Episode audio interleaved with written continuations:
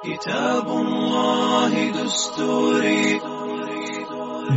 كتاب الله دستوري وخير الخلق أسوتنا.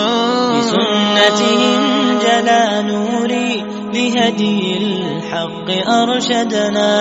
كتاب الله دستوري وخير الخلق أسوتنا. بسنته جلا نوري بسم الله الرحمن الرحيم الحمد لله رب العالمين ولا عقبة للمتقين ولا عدوان إلا على الظالمين والصلاة والسلام على خير الخلق أجمعين محمد بن عبد الله وعلى آله وصحبه أجمعين اللهم علمنا ما ينفعنا وانفعنا بما علمتنا وزدنا علما يا كريم Treće u nizu iz knjige Edebul Mufred. Univerzalni moral ili knjige o edabu od imama Buharije rahimahullahu ta'ala u koju je uvrstio sve hadise koji se nalazi u sahihu ali one hadise koji su vjerodostojni ili koji su dobri a ne nalaze se u sahihu u njegovom poznatom sahihu Buhari zbog toga što nisu mogli da prođu sve filtere koje imam Buharija postavio da bi jedan hadis bio uvršten u njegov sahih. Jer njegov sahih je, nema, znači, plafon, je tako? Imaju drugi vjerodostojni hadisi, koji se nalaze u drugim hadijskim zbirkama. I u ovom dijelu, koji je napisao Imam Buharija, koji su također vjerodostojni. Međutim, njegova vjerodostojnost nije zadovoljila kriterije, oštre kriterije imama Buharije, zbog toga je Imam Buharija napisao upravo knjigu o Edebu, zato što je Edeb jedno od najuniverzalnijih vrijednosti jednog muslimana gdje njegov iman, njegovo znanje, njegovo oliče kao čovjek, kao insan, ne može biti potpuno, niti može biti zdravo, zdrave osnovi, osim sa islamskim moralom, sa ahlakom. Tako da svaki musliman koji sebe ukrasi i svoje djelo, i svoj govor, i svoje biće sa islamskim moralom, on je već na dobrome putu, inša Allah, da bude dobar mu'min. A svako onaj ko preskoči ovu stepenicu islamskog morala i poduči se samo islamskom znanju, a nema islamskog morala, nema islamskog odgoja, mi dobivamo jednog čovjeka, jednu ličnost koja ne zna da se ponaša, koja ne zna znači da upotrebi one univerzalne vrijednosti islama. Zbog toga je veoma bitno podučiti se edebu, a Imam Buharija je napisao prelijepo djelo gdje nam je, e, gdje nam je opisao edeb Allahu poslanika, ali salatu wasalam, a mi počinjemo sa hadisom od Abdullaha ibn Amra, da je rekao, došao je čovjek Allahom poslaniku, sallallahu alaihi wasallama, fa kale, pa mu je rekao, džitu ubajak ala l-hijra, wa taraktu ebevije jebkijan. Allahu poslaniče, ja sam došao da ti dadnem prisegu da učinim zajedno s tobom hijđru iz Mekke u Medinu. A činiti hijđru iz Mekke u Medinu je bila stroga obaveza muslimanima, onda kad je Allah Đavlešanu mu naredio muslimanima da, da učine hijđru. I na osnovu hijđre Allah Đavlešanu je spustio ajete i određene islamske propise koji važe za onoga koji učinio hijđru i za onoga koji nije učinio hijđru kao što stoji u kuranskim ajetima, i Allah Đerlešanu kaže, i oni koji nisu učinili hijđru, vama nije obaveza da im pomognete ako vam traže pomoć. Hatta ju hađeru sve dok ne učine hijđru i ostali propisi koji se vežu za, za hijđru, koji nam nisu sada tema, ali u osnovi hoću da kaže da je bila obaveza da svaki musliman dadne pristagu Allahom poslaniku na, na hijđru. Međutim, ovaj čovjek kad je došao Allahom poslaniku, i da mu dadne prisegu, spomenuo šta se mu desilo prije toga. Jer je svojim roditeljima rekao, babo, majko, ja odo sa Muhammedom, sallallahu alaihi wasallame, selim. Napuštam Meku, napuštam rodni kraj, napuštam vas kao roditelje, jer su bili stari i nisu, najvjerovatniji po ovom hadisu se može poznati da nisu bili muslimani a on je bio musliman. I on normalno nisu htjeli da napusti Meku. Oni su zbog toga plakali. Zbog svog sina koji želi da se pokori Allahu Đalešanu i njegovom poslaniku. Da uče hijđu. Plaču roditelji. Tuga, napušta na sin, ide u Medinu, šta će biti sa njim, kad ćemo ga sljedeći put vidjeti. Ide sa skupinom, ne zna se kakav je njihov završetak. Znači, briga, roditeljska briga, bili oni muslimani, bili oni nevjernici. Kažemo Allahu poslanik sallallahu alejhi ve selleme, "Qala irja' ilayhima fa adhik huma kama abkaytahuma." Kažemo Allahu poslanik, vrati se svoje kuće. I raspoloži, i raspoloži, i nasmiji svoje roditelje onako kako si rasplakao. O što fali što plaču? Pa to je odazivanje, pokornost Allahu i poslaniku. Ja ne radim po hiru svom, idem, činim hijđu i badet. Haj, što moji roditelji plaću, boli me briga. Tako je nije. Tako će reći svako onaj koji nema edeba, koji nije prošao poslanički edebi ahlak. Musliman, pored toga što mu je zadaća da se pokori Allahu subhanahu wa ta'ala propisima, pored toga on poznaje, poznaje na koji način će sa svim ljudima da da se ponaša, kako će da im priđe, kako će da bude blag, na koji način da im predstavi istinu i tako dalje. Ovaj hadis je veoma važan jer često, pogotovo omladina, danas oplakuju i rasplakuju svoje roditelje ne samo zbog pokornosti Allahu subhanahu nego ponekada i svog hira. Ako majka i babo nešto naredi i on to odbije ili ne želi da da ih posluša u nečemu i onda ih rasplače, traži opravdanja u Allahoj vjeri. Pa ako ti majka kaže, hajmo sine zajedno, tu i tu, ili babo, hajde, hajde mi pomozi, treba iscijepa drva, ti kažeš, ja odosi ranima, idemo hodat. I onda to provlačiš, pa ja idem s braćom da se družim, pa ja idem da napunim iman, ja idem ovo, ja idem ono, a možda ideš da šetaš sa njima, da popiješ kafu na čaršu i tako dalje. A tvoj babo osta sam kući da radi. To nije ahlak jednog muslimana. Musliman će ostati sa svojim roditeljima sve dok i slušat će i sve dok ne budu ga pozivali u ono sa čim Allah nije zadovoljan. Također, Abdullah ibn Amr prenosi da je došao čovjek Allahom poslaniku, sallallahu alaihi wasallame, želeći da se bori na Allahom putu. Fa kale, e hajun walidak, kale nam, kale, fa fihima fađahi. Da je Allahom poslaniku, sallallahu alaihi wasallame, došao čovjek, kaže, želim da upotpunim krov Islama. Hoću da se borim na Allahom putu kažem Allahu poslanik, jesu li ti živi roditelji? Kaže, da. Kaže, idi njima, tvoj džihad je sa tvojim roditeljima. Tvoj džihad je sa tvojim roditeljima. Međutim, danas omladina hoće da u džennet uđe za dva dana. Spoznao istinu, spoznao je la ilaha illallah Muhammed Rasulullah, spoznao je dženecke, dženecka prostranstva, spoznao je džehennemske muke i kaznu, I on hoće sada za dva dana da uđe u džennet. Hoće da skrati put.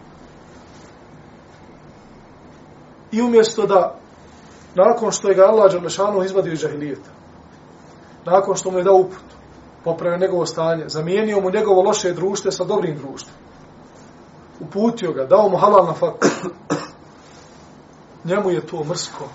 Čeću ja sad roditeljima izme 30 godina, naredno. Gdje ću ja imat normalnu porodicu do kraja života. Gdje ću ja imati jedan sistem života. Jer davno jer su islamski učenjaci rekli mnogo teže je živjeti na Allahovom putu nego poginuti na Allahovom putu. Mnogo teže je živjeti na Allahovom putu nego poginuti na Allahovom putu. Kaže sallallahu alaihi wa sallam vjerodostojnom hadisu najbolji čovjek je onaj kome Allah Đelešanu produži život u pokornosti njemu subhanahu wa ta'ala. Tako da dužina života ne treba da nikako bude čovjeku teška, nego da iskoristi svaki dan i svaku priliku da isplanira svoj dan kako bi time se približavao svome stvoritelju, jer Allah subhanahu wa ta'ala nas je stvorio i dao nam živote da bi njega robovali, a ne da bi udovoljavali svojim, svojim strastima.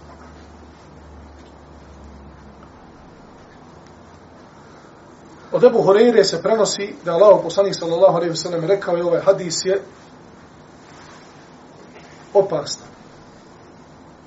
Opastan je hadis jer prijeti svakom onome ko ima roditelje, a ne zaradi džennet kod svojih roditelja. Kaže sallallahu alaihi wasallam, ragime enfuhu, ragime enfuhu, ragime enfuhu. Neka je sramota, neka je sramota, neka je sramota. Kalu ja Rasulallah men. Allahu poslaniče, koga neka je sramota? Allahu poslanik, ali salatu selam je, braćo moja, često koristio ovakav način pristupa ashabima kako bi skrenuo pažnju na ono što će reći, što je bitno. Pa bi znao reći slične riječi ili šta mislite o tom i tom da radi to i to ili šta mislite o ovome dijelu, da li je to dijelo dobro ili loše, kako bi ashabi se uključili u u dijalog sa Allahovim poslanikom, ali i salatu selam, i nakon toga čuli odgovor onoga koji ne govori po hiru svom. Allah ta'ala. Kažu ko Allah poslaniče? Kaže, kale men adrake validejhi indahu l'kibar, au ahaduhuma fa nar. Neka je stid i sram onoga čiji roditelji kod njega ili jedan od njih dožive starost, dožive starost, a on pored toga uđe u vatru jedno od najlakših, braćo moja, puteva kako zaraditi džennet, jeste pokornost roditelja. Najlakših puteva. Zašto? Jer u osnovi tvoj roditelj voli ti hajr i voli ti dobro. I ti sa malo komunikacije sa svojim roditeljem, sa babom i majkom, da kažeš babo, majko moja, moj put ka džennetu je preko, preko tvojih pleća i preko tvoje pokornosti. Ja sam tvoj sin, tvoja čirka, hajde mi olakšaj da uđem u džennet. Zar ne volila da ja uđem u džennet? Naravno, svaka majka voli svome sinu hajr ovoga i hajr onoga svijeta. I ako ikoga imaš na ovome svijetu, da ti iskren prijatelj, to je tvoja majka i tvoj bab. Svak živ, mimo tvojih roditelja, može jednog dana da se pretvori neprijatelj. Svako. I tvoj najbolji jara.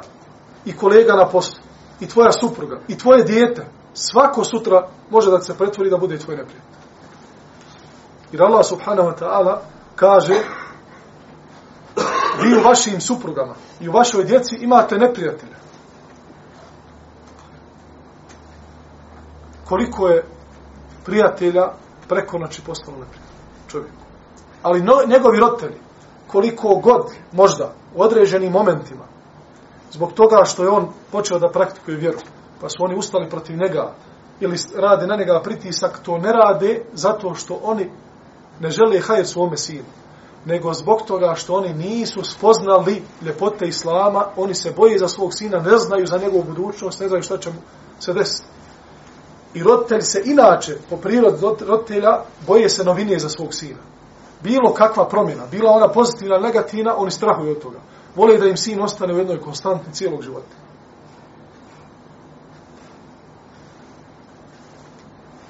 I kaže Allah poslanik, na, neka je sram onoga ko bude uz roditelje. I roditelji dožive starost kod njega, a ne uđe u džene. I uđe u vatru. Zato što roditelji od nas ne traže mnogo. Lijepa riječ. Pristavim kahvu.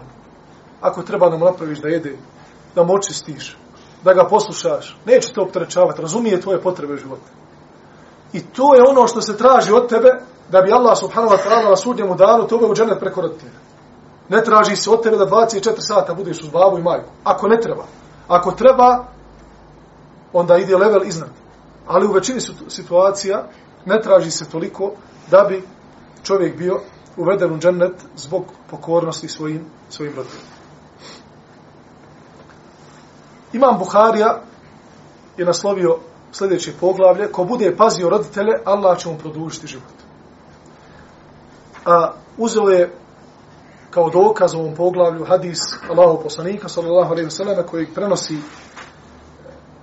Muad ibn Anas al-Juhani, قال قال النبي صلى الله عليه وسلم من بر والديه طوبى له ko bude bio pokoran svojim roditeljima i pazio svoje roditelje Allah subhanahu wa ta'ala neka je neka mu tuba lehu znači tuba lehu znači blagoli se njemu zad Allahu azza wa jalla fi umrihi Allah će mu produžiti njegov, njegov život i ovaj hadis također pored imama Buharije bileži imam Hakim Taberani i Ebu, Ebu Jana.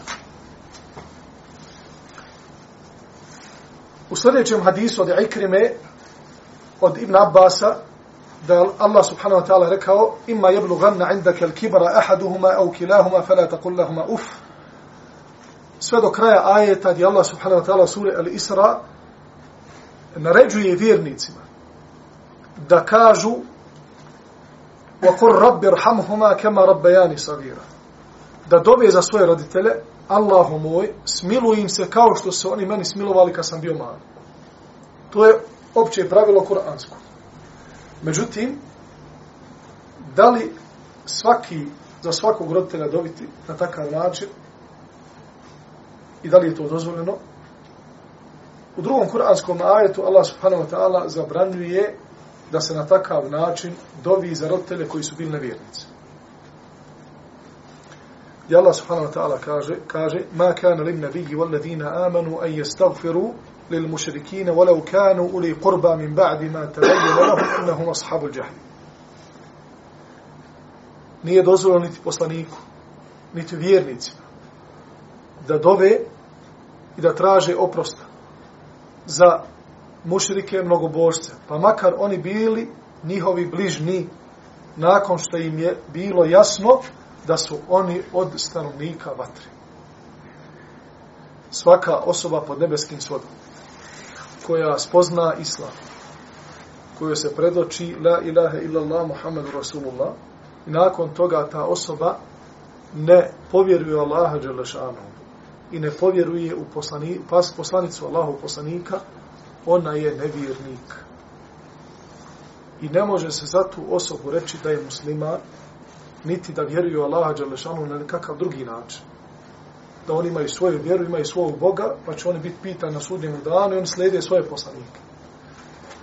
Allahov poslanik Muhammed sallallahu alaihi wa je poslan svim svjetovima i cijelom ljudskom i džinskom čovečanstvu. I ne može niko doći do sudnjega dana i reći kršćani imaju svoju vjeru, imaju svog priznatog poslanika Isa, imaju svoju priznatu vjeru, e, knjigu Bibliju, sta Novi Zavjet ili Inđil. I oni ako budu dosledni tog Inđila i dosledni vjerovanja u Isa, oni će ući u džennet. To nije istina. To nije istina. Jer je Kur'an došao da potvrdi prijašnje objave i Zebur, i Tevrat, i Inđil, i Suhuf Ibrahimu, Musa, sve ostale objave. I da potvrdi sve poslanike koji su bili prije Muhammeda sallallahu alaihi wasallam, ali u isto vrijeme da derogira punovažnost lijeđenja tih poslanika i tih knjiga. I Kur'an je pečat svim knjigama kao što je Muhammed sallallahu alaihi wasallam pečat svim poslanicima.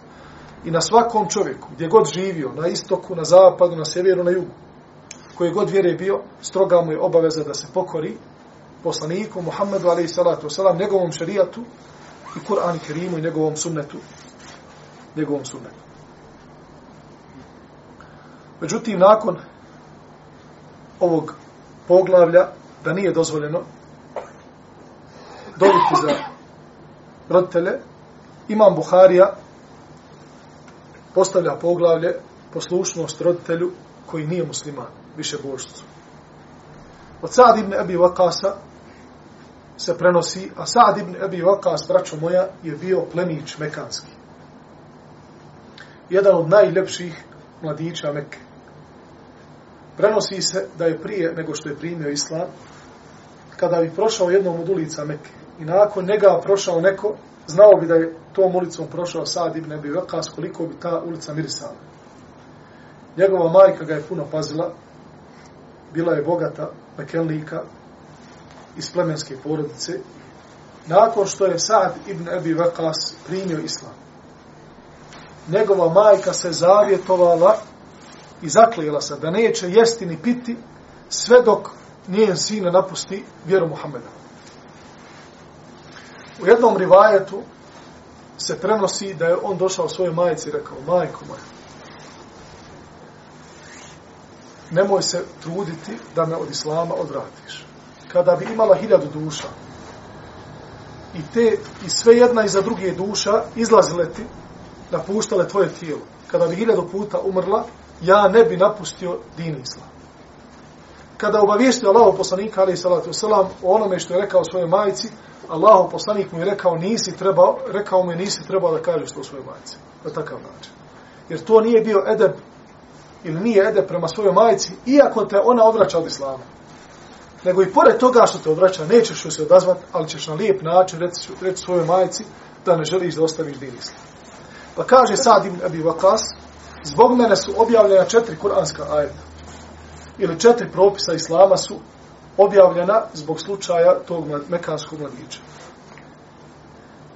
Prvi ajeti koji su objavljeni su onda kada je majka njega nagovarala da napusti islam i prijetila mu da će znači, umrijeti, da će bojkotovati ga i hranom i pićem e, svoje tijelo sve dok ne umre ako on ne napusti islam, pa je Allah subhanahu wa ta'ala objavio ako te budu nagovarali da drugog meni ravnim smatraš, onoga o kome ništa ne znaš, ti ih ne slušaj i prema njima na ovome svijetu velikodušno se ponašaj. Što jasno govori da pored toga što te roditelji odvraćaju od islama, ako te odvraćaju, ili te zabranjuju da ideš u džamiju, zabranjuju ti da radiš ovo ili ono što se tiče pokornosti Allah subhanahu wa ta'ala, ne smiješ sebi dozvoliti da te tvoj nefs ponese, na Allah, da te tvoj nefs ponese i tvoja strast ili tvoja e, unutrašnja ljubav prema islamu, pa da kažeš, e sad ću se ja njima osvijet galamit na njih, ili vratit ću im isto mirom i tako dalje. To ne smiješ sebi dozvoliti, brate, i znaj da sa tim islam nema ništa. Jer na taj način ćeš upravo dokaza svojim roditeljima, koji imaju predrasude prema islamu, dokaza svojim roditeljima da to što se ti prihvatio, čega se ti prihvatio, je neispravno i loše po, po njegovu sinu. Jer ako budeš agresivan prema svojim roditeljima, samo ćeš im još više pokvariti sliku o, o islamu i njegovim vrijednostima. Drugi ajet koji je objavljen zbog njega je kada je on sad ibn Abi Vakas tražio od Allahov poslanika iz ratnog plijena, plijena jednu sablju koja mu se svidjela, pa je Allah Đalešanhu objavio prve ajete sure Al-Anfal, jes aluneka anil Anfal, pitajte o ratnom plijenu i onda je Allah subhanahu wa ta'ala objasnio ili pojasnio ljudima kako ide podjela ratnog plijena. Treći ajet je, ili treći propis islamski, je onda kada se razbolio sad u Medini, rekao Allahom poslaniku, želim da podijelim svoj metak. I želim da ostavim u vasijetu, u oporuci, pola imetka da se podijeli muslimanima. Pa Allah poslanik rekao ne. Onda je on rekao, a onda trećinu, pa je Allah poslanik prešutio što je e,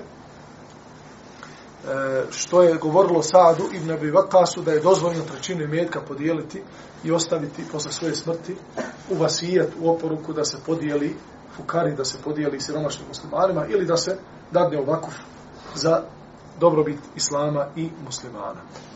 Četvrti slučaj je onda kada je Sad ibn Abi Waqas bio na e, mjestu zvanom Lahije i Džemel, zajedno sa nekim od Ensarija, prije nego što je došla zabrana pijenja alkohola. Pili su vino i onda jedan od Ensarija ga udario šakom u nos. Nakon toga je on došao Allahom poslaniku, požalio mu se i onda je Allah Đelešanuhu objavio ajete koji govore o zabrani pijenja, pijenja alkohola od Esme bint Ebi Bekr rekla je, došla je moja majka u nadi da ću se brinuti za nju, da bude kod nje. Pa je pitala Allahu poslanika sallallahu alaihi wasallame hoću li se brinti za nju. A njena majka je tada bila e, nevjernica. Pa je rekao Allahu poslanik da. Ibn Ujejne kaže da je zbog nje objavljen kuranski ajet Allah vam ne zabranije da činite dobro i da budete pravedni prema onima koji ne ratuju protiv vas zbog vaše, vaše vjere.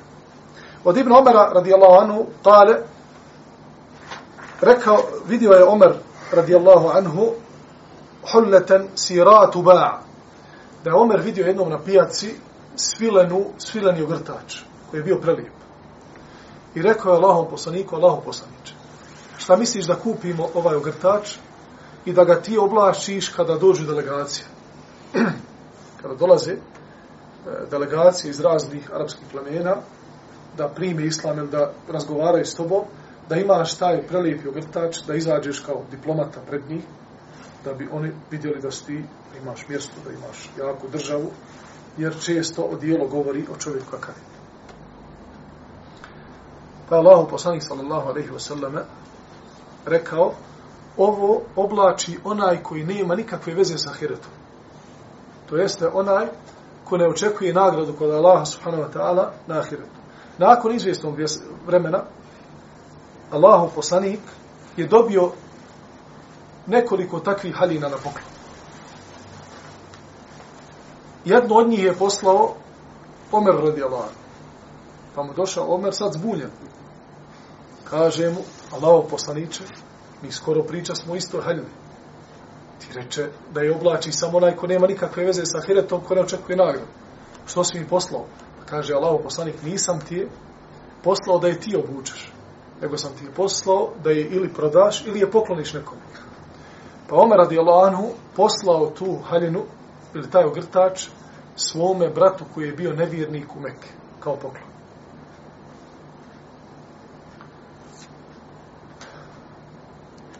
Ovaj hadis je i kod imama Ahmeda također, i kod Abu Davuda u Sunanu, i kod Buharije u Sahihu, i kod Muslima.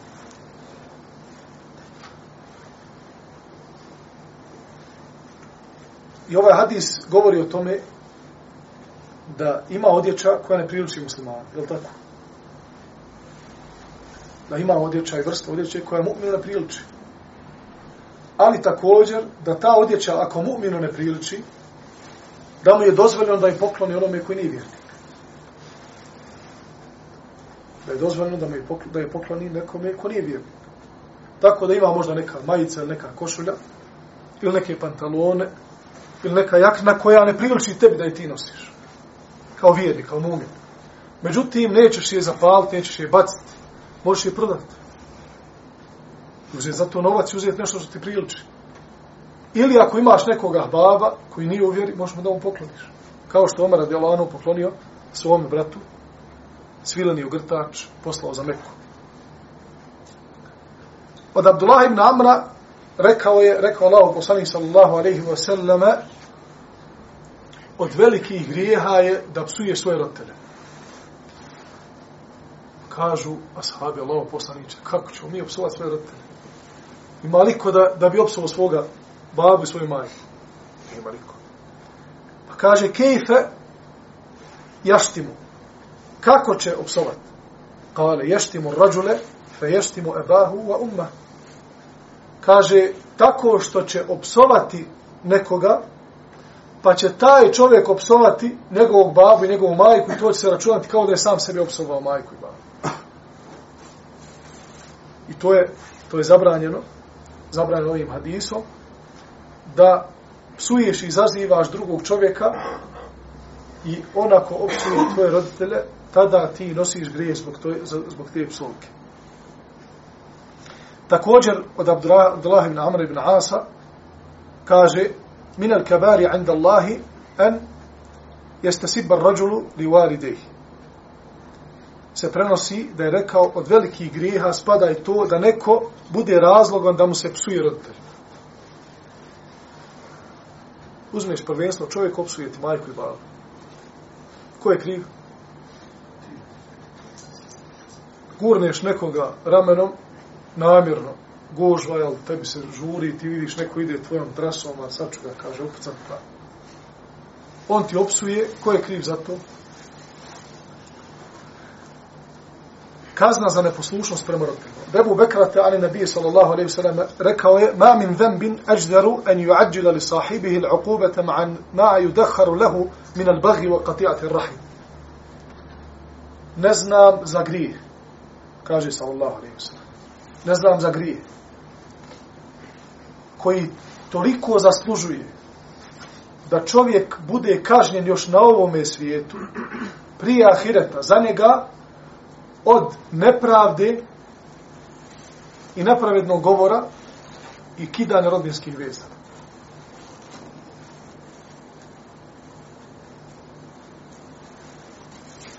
Često ljude rastužuje kada vide nepravdu. Često nas rastužuje kada vidimo da je musliman nanio nepravdu drugom muslimanu. I često nas rastužuje ta činjenica kao da neće biti sunnjega dana. I ponekad želimo da mi napravimo jedan mali sudnji dan i da mi tu kažnjavamo ljudi. Ako neko čini nepravdu, pokušaj da ga od te nepravde odvratiš. Tako što ćeš ga nasihatiti da se ostavi nepravednog govora. Da se ostavi neprovernih informacija. Jer u istinu kaže, sallallahu alaihi wasallam, dovoljno je čovjeku grijeha. Dovoljno je. Kad kaže Allah poslanik, dovoljno je čovjeku grijeha, misli se dovoljno mu je grijeha da bude kažen na ahiretu. Dovoljno je čovjeku grijeha da priča sve ono što čuje. Imate braće muslimana kao papagaj. Kaže, ja ništa od svo, iz svoje glave. Hvala Allahu, svi moji senedi koji su u mojoj glavi su provjereni. Sve znam kom je šta rekao. Pa ko ti je rekao da je dozvoljeno da pričaš sve ono što čuješ? Dobro, tvoj sened je provjeren. Ali jesi li ti u tom senedu vidio da li onaj što ti je prenio je to nemimet? Ako loše govoriš. Da li je to možda gibet? Da li je možda neprovjerena informacija pa da nekoga potvoriš? I tako dalje i tako dalje. Pa taj papagajski govor se nalazi u suri Nur. I Allah subhanahu wa ta'ala kaže kada su neki muslimani, ali većinom su munafici, ali neki od muslimana, kada su širili vijest o Aisha radijallahu anha, a nijen slučaj stoji u suri Nur, إذ تلقونه بألسنتكم وتقولون بأفواهكم ما ليس لكم بعلم وتحسبونه هينا وهو عند الله عظيم kad ste to prepričavali svojim jezicima, čuo sam, kaže, od tog i tog, pa priča se o mahali, pa bilo je tu i tu, pa ovaj mi je rekao, na sjelu. A ne bi to, kaže, taj brat ne bi slago. Znam da ne bi slago. Kaže, Allah, kad ste to prepričavali svojim jezicima i širili dalje i smatrali ste da je to mala stvar, sitna. Kaže, ja ništa ne dodajem o sebe. Ja sam samo prenio kako sam čuo. وَهُوَ عِنْدَ اللَّهِ عَظِيمٌ Ali to je krupno kod subhanahu wa ta'ala. To je zaista krupno kod njega.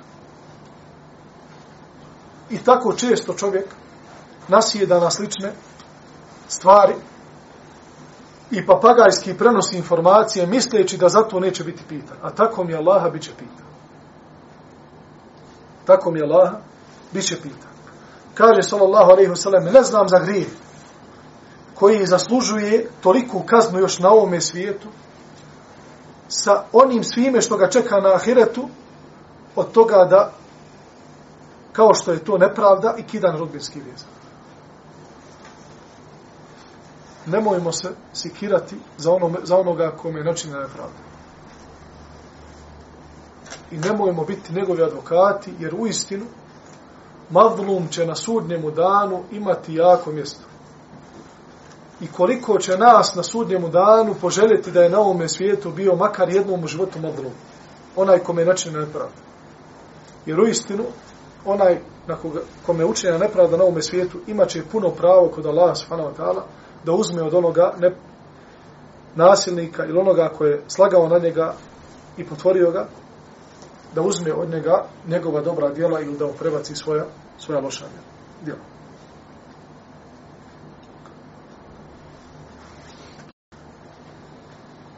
Ono što je zanimljivo također o našem radi, koji, koji smo spomenuli malo prije sadim nebi Vekas, da se malo zadržimo oko njegove biografije,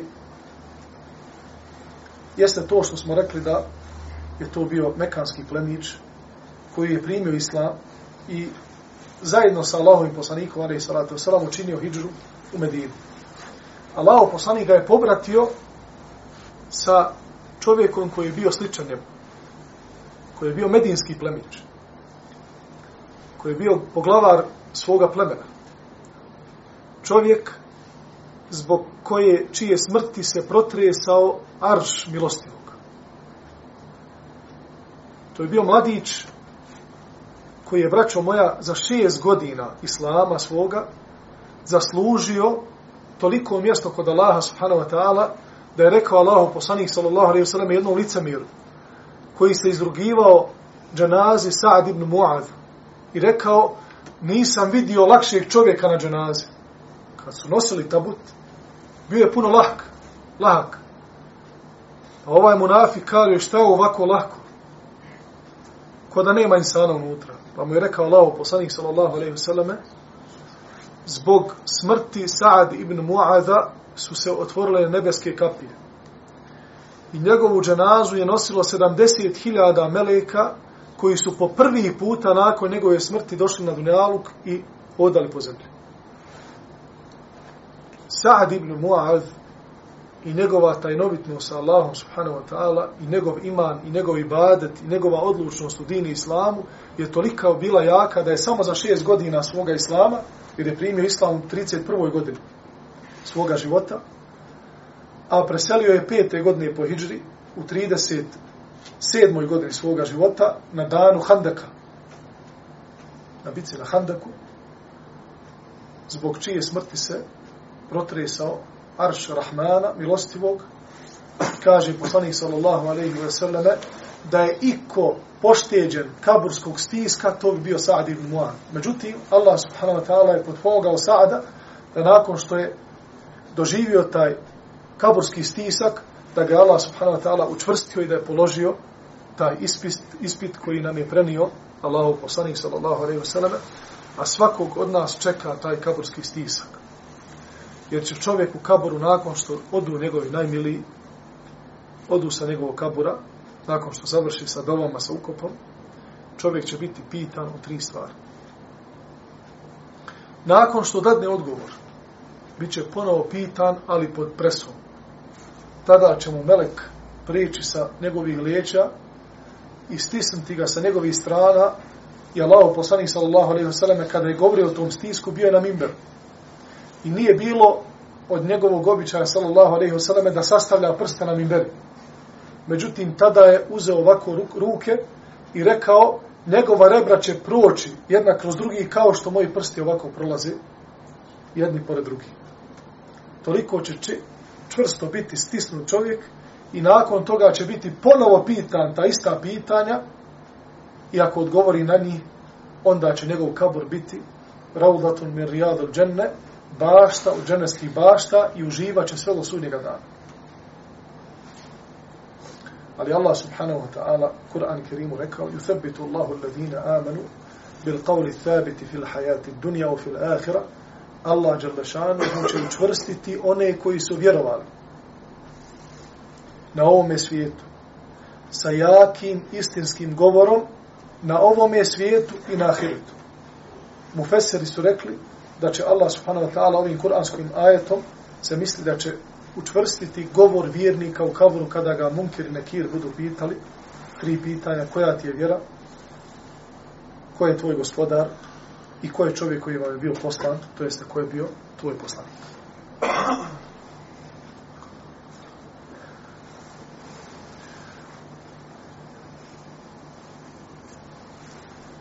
Ovo predavanje ćemo završiti, inša Allah, ta'ala, sa zadnja dva hadisa.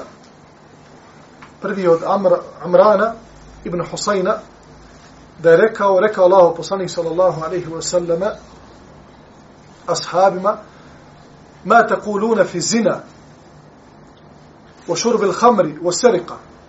Šta mislite o nemoralu, o zinaluku, o ispijanju vina i o krađi? Pa su ashabi odgovorili, iako ashabi znaju, ashabi su, braćo moja, najučeniji ummet Muhammeda sallallahu alaihi wa sallam. Niko do sudnjega dana neće doći i biti najispravnijem i znanstvenijem znanju od onoga na čemu su bile prve generacije muslimana. I laž, i laže je svako onaj ko kaže da su ashabi bili zauzeti bitkama i osvajanjima i da nisu imali vremena da uče znanje i da su u osnovi bili džahili i da su znali samo osnove islama. Pa su onda došle generacije nakon njih koje su sjele, imali su više vremena i onda su proširili islamsko znanje. To je čista neistina. Ashabi Allahov poslanika su najbolji muslimani. I Allah Đalešanuhu svjedoči tome u suri Teube, u stotom ajetu, kada kaže radi Allahu anhum wa radu anhu. Allah je zadovoljan sa njima i oni su zadovoljni sa Allahom. To je potvrda gospodara svjetova iznad sedam nebesa. Iznad Arša. Da Allah Đalešanuhu sa nekim zadovoljan. I to je pečat nakon koje pečata nema. Da Allah subhanahu wa ta'ala s tom generacijom zadovoljan. I da se nakon toga nije na njih rasrdio. I da su to najbolji ljudi i najbolja generacija i da su oni najveći islamski učenjaci koji su nam prenijeli čisti sunnet i koji su nam prenijeli Kur'an onako kako je objavljeno. I ne može niko doći do sudnjega dana da kaže veću istinu od onoga na čemu su bili ashabi. Samo može da bude počašćen da bude sljedbenik ashaba. I to su bile dvije generacije nakon njih koji su bili počašćeni da se nazivaju tabijinima, to jest tabi'i, što znači onaj koji slijedi.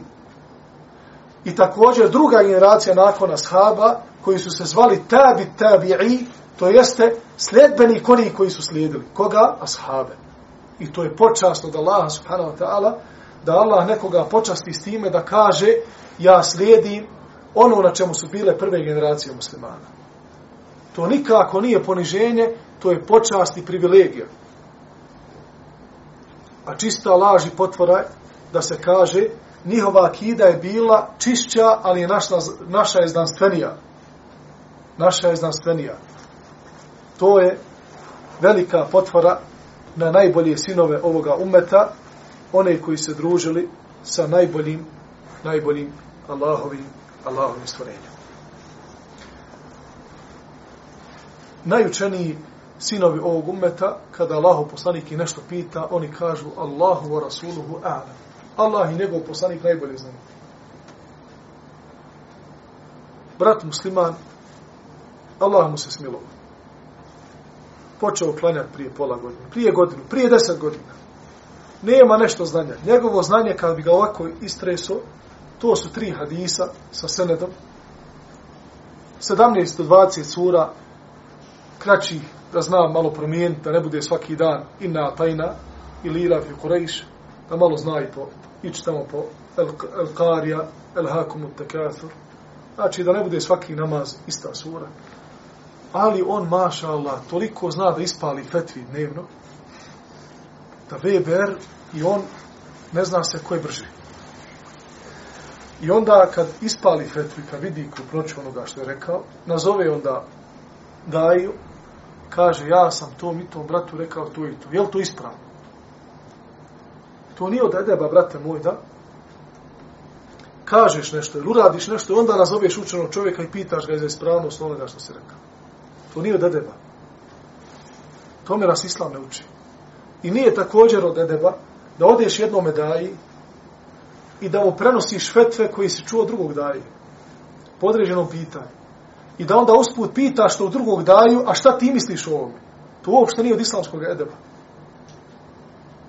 Nego od islamskog edeba, kada sjediš sa nekim od daja, od braće daja, i želiš od njega da naučiš nešto, ili da čuješ njegov odgovor na, određene, na određena pitanja, nemoj u tom kontekstu spominjati odgovore drugih daja. Jer ćeš njega u tom u, tom, u toj situaciji dovesti u neugodnu situaciju ili ćete morati da poduči jedevu, da te malo naruži, pa da se zacrveniš. To je najvjerojatnije će tako se desiti. Ili će možda i on odgovoriti pa ja se slažem sa njim, ili će dati opriča odgovor, ili će šutiti. Znači ima četiri varijante. Tako da, kada se dovedemo u takvu situaciju, nemojmo spominjati druge daje i njegove, njihove odgovore i tražiti onda od drugog. Ili, na primjer, što je još onda opasnije, da pitaš nekog daju, šta ti misliš o tom i to? I on ti dadne svoj odgovor. I onda ti na kraju kažeš, ali ja sam pitao drugog daju, tog i tog, on kaže ovako. To je skroz nisko. I to nema nikakve veze sa islamskim edebom. Islamski edeb, braćo moja, se ne može ustaviti u. I vjerovatno da omladina će praviti greške. Zbog toga je na starijima da osaburaju nekad na njihovi greškama. Ali nikako nakon što saznaš svoje greške, ne smiješ da ih ponoviš. Jer nije isto onaj koji ne zna. Ti vidiš na njemu da on ne zna, da je on frišak, da on nije još okusio onog islamskog edeba morala. Nemoj se pra njemu ružno odhoditi. Ako čuješ sličan gaf od njega, nemoj ga odmah napast. Ali Boga mi imaš brata 15 godina uvjeri. A nije valjda da nisi mogao čuti ova, ova, ova moralna pravila do sada i da nisi, da nisi uh, ispravio tu grešku, to je već malo, malo drugačije. Kažu Allah i njegov poslanik, najbolje znaju. Zatim je rekao Allah poslanik, ali salatu se. To su sramna djela. I za njih je određena kazna. Za ova tri djela.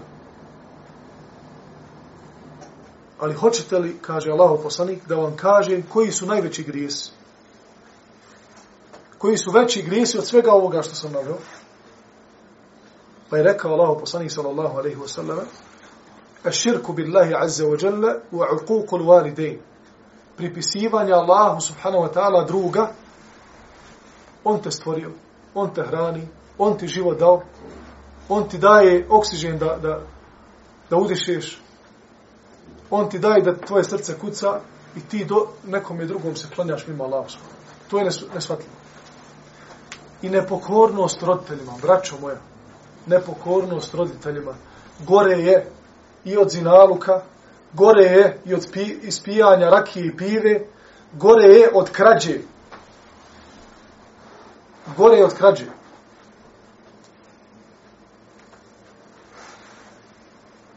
I onda je Allah, poslanik Ali Salatu nakon što je bio naslonjen, odvojio se ovako od tog jastuka i kaže i lažan govor. U jednom od rivajeta se prenosi da je toliko ponavljao wa kaule zuri i lažan govor da su ashabi rekli da hoće Bog dom više završiti. Da hoće prestati da to, da to govori.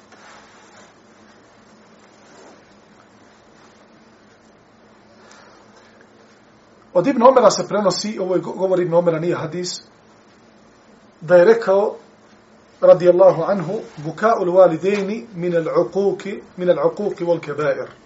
Suza roditeljska je nepokornost roditeljima, ubraja su nepokornost i u velike grije.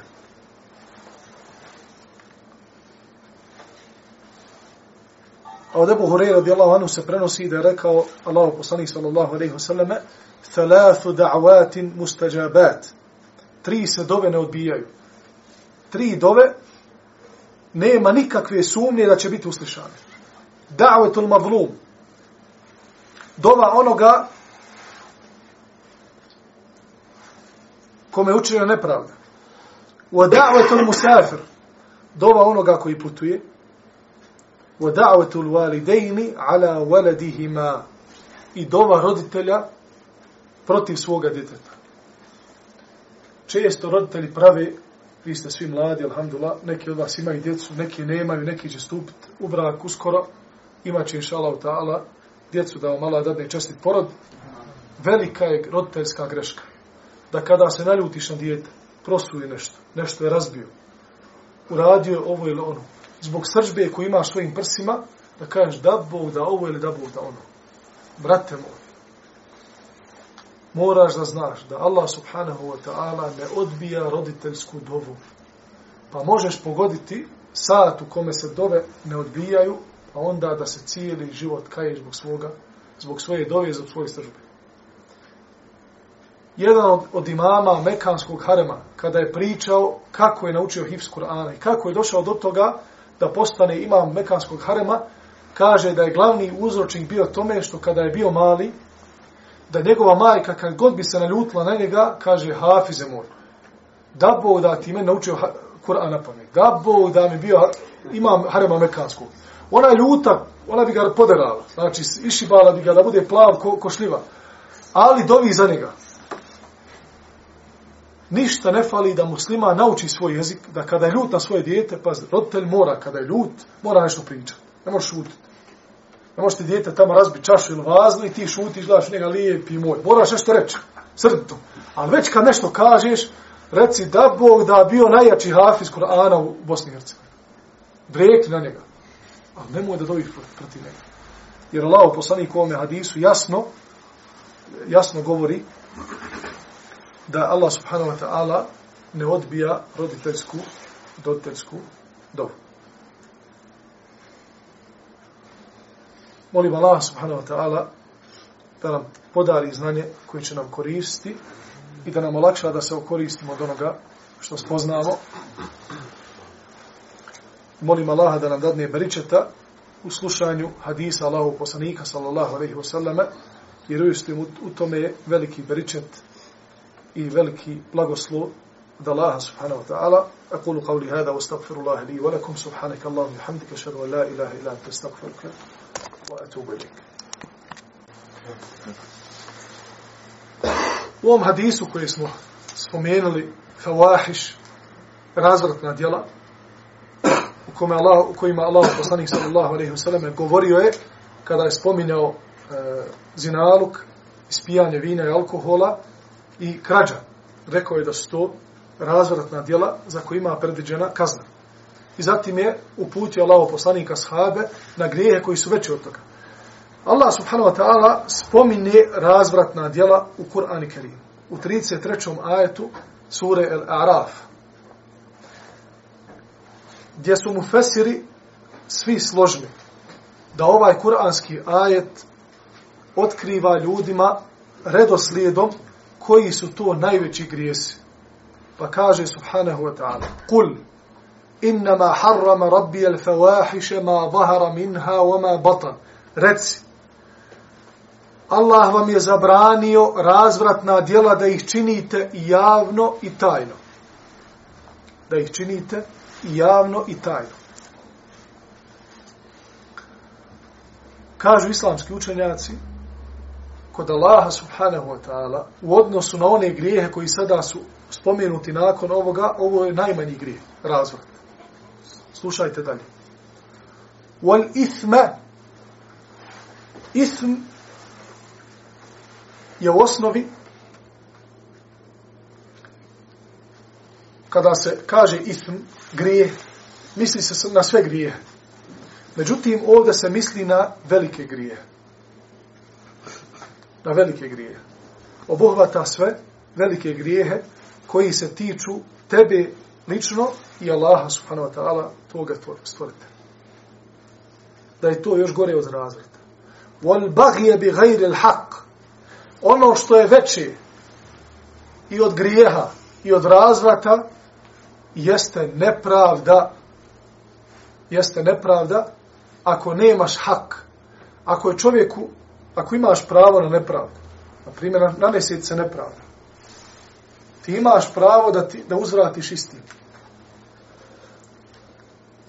Neko ti izbio zub.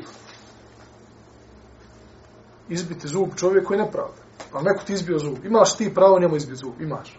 A ne smiješ mu izbiti izbit dva. Ne smiješ mu izbiti dva. Zub za zub. Oko za oko. Wal baghy bi ghayri al haqq. Ako nemaš pravo na, nepra, na da uzvratiš nepravdu na nepravdu to je još veći od velikog grija. wa an tushriku billahi ma lam yunzil bihi sultana. Zatim još veći grijeh od svega ovoga jeste da pripisuješ Allahu druga. Ono što Allah o čemu Allah ništa nije objavio. Je ovo kraj kuranskog ajeta? Ima veći grijeh u širka vraćuna. Znate li koji je to grijeh? Govor bez znanja Allah. Wa an taqulu ala Allahi ma la ta'lamun. I da kažete o Allahu ono što ne znate je gore od širka.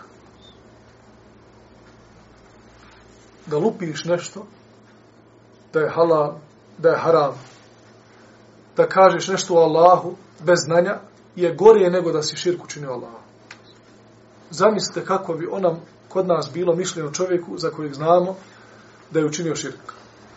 Ide u džamiju godinama i ti ga vidiš da je ono krenuo se, na primjer, kaburu i zove ono, ono gebliju. Ti čuješ svojim ušima. Kaže ti on, Džajlani, pomozi mi. Dovi Allahu, o Džejlani, o Evliju Allahova, da mi Allah oprosti. Dovi mu da mi Allah dadne djecu. Odeš kod sedam braće, napišeš na papir i kažeš im, dovite Allahu, jer ste vi Evlije, da mi Allah subhanahu wa ta'ala dadne mušku djecu, nema muške djece. To je širk. Ali ono što je opasnije od širka jeste govor o Allahu subhanahu wa ta'ala bez islamskog znanja. Kada ovaj kuranski ajet ili ovaj dio kuranskog ajeta kada shvatimo njegovu tešku, težinu vidjet ćemo onda kolika je blagodat i obaveza na svakom muslimanu da se edukuje i da uči islamsko znanje.